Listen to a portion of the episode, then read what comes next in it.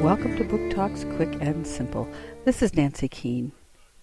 This novel, told primarily in journal entries, is the story of John Shaw, a young communications officer in World War II who finds out that his commanding officer, Quincy Harker, is a truly evil man.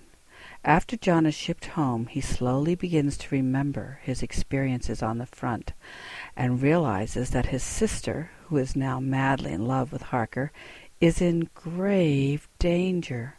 Quincy Harker is a vampire.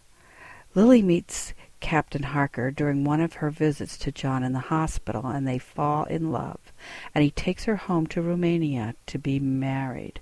However, Quincy is the son of the Count and Minnie Harker, and he has taken Lily to Dracula's castle to fulfill the family's destiny. Lily and John are also connected to the Count, as John is the son of the Count and Rosemary Shaw.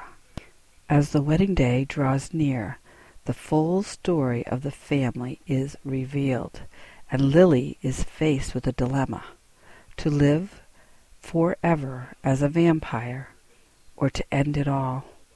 A fast-paced horror story with twists and turns that will keep even a reluctant reader involved.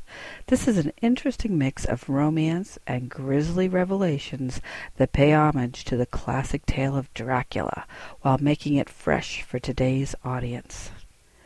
Bloodline by Kate Cary, Razorbill 2005, Book Talk by the New Hampshire Isinglass Book Award Committee.